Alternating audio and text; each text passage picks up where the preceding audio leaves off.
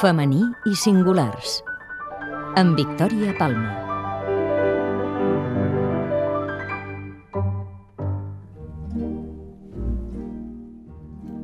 El 25 de maig de l'any 1870, el Teatre Imperial de l'Òpera de París acollia l'estrena del ballet Copèlia, també anomenat La noia dels ulls d'esmal, del compositor francès Léo Delibes. El llibret l'havia escrit l'arxiver de l'Òpera de París, Charles Nutier, amb els consells del coreògraf Arthur Saint-Léon, basant-se en un dels contes fantàstics de l'escriptor alemany Eta Hoffmann, el titulat L'home de sorra.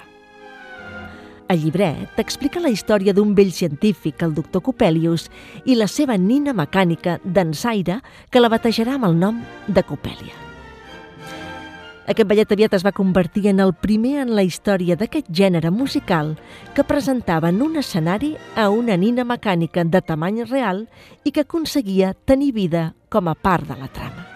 I aquí és quan entra la protagonista del femení singulars d'aquesta setmana perquè tan bon punt la partitura va estar llesta, tots els que havien intervingut en el naixement de Copèlia, el llibretista, el coreògraf, el director de l'Acadèmia Reial de Música, l'empresari del teatre i el mateix compositor, van començar a la recerca de la Nina adient, l'Svanhilda, que és el nom del personatge abans de fer-se passar per Copèlia. Un any abans de l'estrena, Delibes va fer un viatge a Itàlia, buscant a la seva nina adient, però va tornar amb les mans buides. Mentrestant, el coreògraf i llibretista havien descobert a la ballarina perfecta. Era italiana, molt jove i bonica, com una veritable nina. Tenia 16 anys i es deia Giuseppina Bozzaki. Giuseppina era milanesa, havia nascut l'any 1853.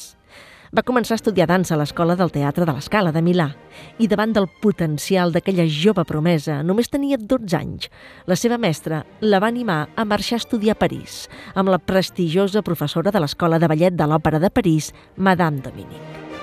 Se sap que la seva mestra sempre la va considerar com la més brillant de les alumnes que van passar per les seves aules. I allà va ser quan la van descobrir. El seu caràcter càlid, alegre, el seu físic i espontaneïtat natural la feien perfecta per la música de Delibes, que al situar l'acció a l'Europa central, el llibretista li havia brindat al compositor l'ocasió d'abordar temes exòtics amb una música dansarina, enginyosa, espiritual i plena de color. Després de la proposta josepina i d'uns mesos de treball intens, tot va estar a punt per donar vida a Copèlia. L'estrena va ser el 25 de maig de l'any 1870 en presència de l'emperador Napoleó III al Teatre Imperial de l'Òpera de París. I amb aquest títol, Leo Delibes tenia 34 anys, aconseguia la fama. I al seu costat també tots els seus col·laboradors, entre ells la Botzaki, que va arribar a repetir l'èxit durant unes quantes setmanes següents, fins que el mes de juliol tot es va capgirar va sorgir una disputa internacional entre França i Prússia per la successió al tro espanyol i el 19 de juliol França declarava la guerra. Malauradament, Copèlia en va acabar també tràgicament. El coreògraf León va morir tres mesos després de la primera actuació de Copèlia i encara el 18 i 19 de setembre Josepina va ballar per última vegada i va ser l'últim ballet produït per l'Òpera de París abans de la guerra franco-prussiana que va obligar el teatre a tancar les portes. Però és que abans, els mesos anteriors, el teatre havia deixat de pagar els salaris i Josepina, afablida per la falta literalment de menjar, va malaltir. La debilitat, la varola que va contraure i la febre, finalment, la van portar a la mort. Va morir el dia que feia 17 anys, el 23 de novembre del 1870, mentre les tropes alemanyes assetjaven París. Va ser enterrada al cementiri de Montmartre. I així s'acabava aquell ballet màgic que també ho havia estat per Josepina.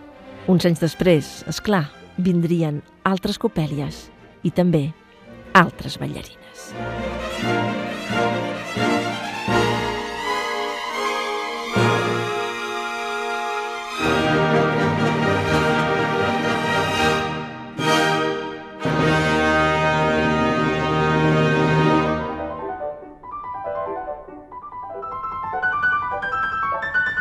Femení i singulars.